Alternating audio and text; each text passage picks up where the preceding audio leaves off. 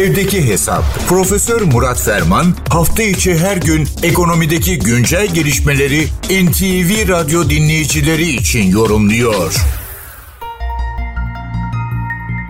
Son günlerde ekonomi çevrelerinde sıklıkla konuşulan bir konu TL cinsinden mevduat faizlerinin düşüş trendine girmesi.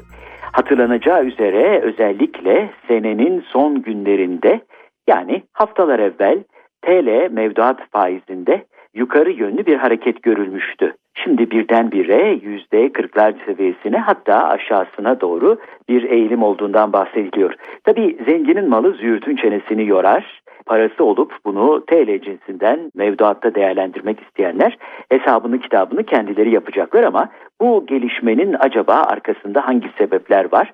Öyle ya günler evvel birdenbire yukarı yönlü bir hareket izlenirken neden şimdi oldukça kuvvetli bir düşüş bankalar tarafından TL'ye gösterilen teveccühte bir gerileme var. Tabi sebepler çeşitli. Önce biraz derseniz makaraya geriye saralım. Çünkü dedik ya hani geçtiğimiz sene içerisinde haftalar evvel son günlerde TL mevduat faizleri yukarı yönlü hareket etmişti. Bir kere her şeyden evvel unutmayalım üst üste tüm toplantılarda Haziran ayından bu yana Merkez Bankası faiz arttırdı ve 42,5'luk gösterge faiziyle seneyi kapattık. Tabii 42,5'a çıkarsa gösterge faizi buna bağlı olarak kredi faizleri de yukarı yönlü hareket eder. Kredi faizlerine kaynak teşkil edecek havuz olan mevduata da dolayısıyla beklentiler çerçevesinde daha yüksek faiz verilmesi lazım. Bu düz mantık. Tabii düz mantık böyle her zaman finansta çalışmıyor. Biraz sonra neden olduğuna dair ufak birkaç ipucu vereceğim ama şunu söylemekte fayda var. Senenin son günlerinde bankalar yılı kaparken mevduat bakımından, mevduat hacmi bakımından daha üst sıralara tırmanmak isterler. Daha yüksek mevduatla kapatmak isterler seneyi. Onun için her sene bilinen bir eğilimdir. Hem ellerindeki mudileri kaçırmamak hem de yeni mudileri çekebilmek bakımından bir parça yukarı yönlü faiz pazarlığında bulunurlar. Şimdi artık sene tamamlandıktan sonra bu baskı üzerlerinden gitmiştir. Bir 3-5 puanlık belki bir marş bu bakımdan gerilemiştir. Yani beklentiler çerçevesinde baktığınızda evet gerileme vardır.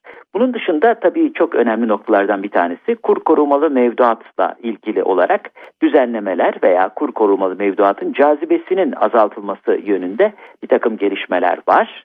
Ayrıca bir paralel okuma hızlı koşan borsa hızlı yoruldu. Acemi koşucular vardır. İyi çalışmamışlar stratejiye.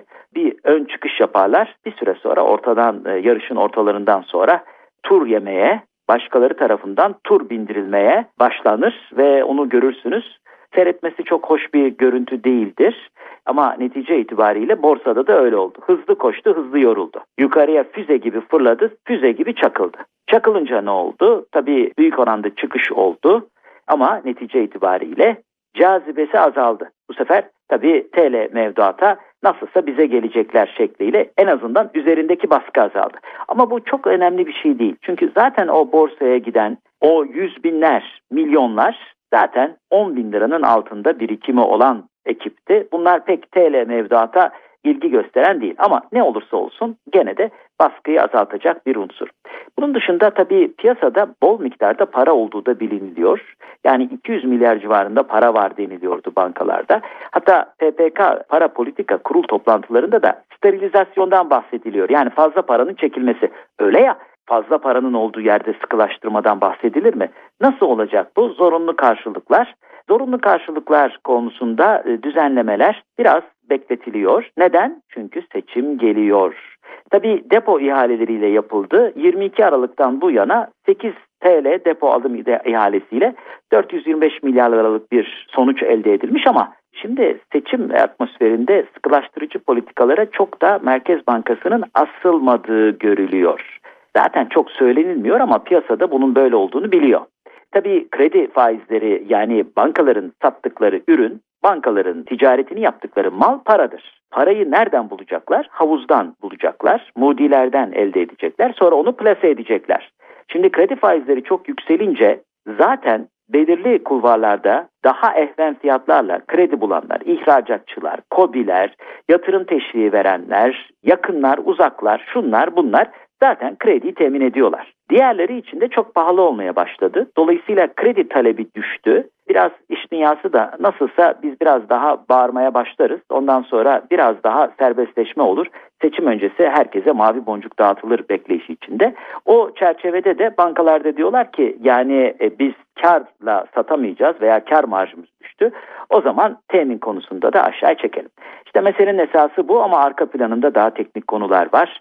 Mesela Merkez Bankası'na Merkez Bankası'nın bankaları böyle gösterge faizinin çok arka, altında oranlardan fonlaması vesaire gibi.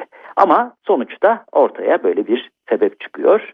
Böyle bir sonuç çıkıyor. Bu sebeplerin getirdiği sonuç ortada. Bize de bunları konuşmak düşüyor. Bu genel bilgi paylaşımı ve değerlendirmeler çerçevesinde değerli dinleyenlerimize katma değeri yüksek ve yüksek katma değerli bir gün diliyor. Huzurlarınızdan hürmetlerle ayrılıyorum. Profesör Murat Ferman'la evdeki hesap sona erdi. Kaçırdığınız bölümleri www.ntvradio.com.tr adresinden dinleyebilirsiniz.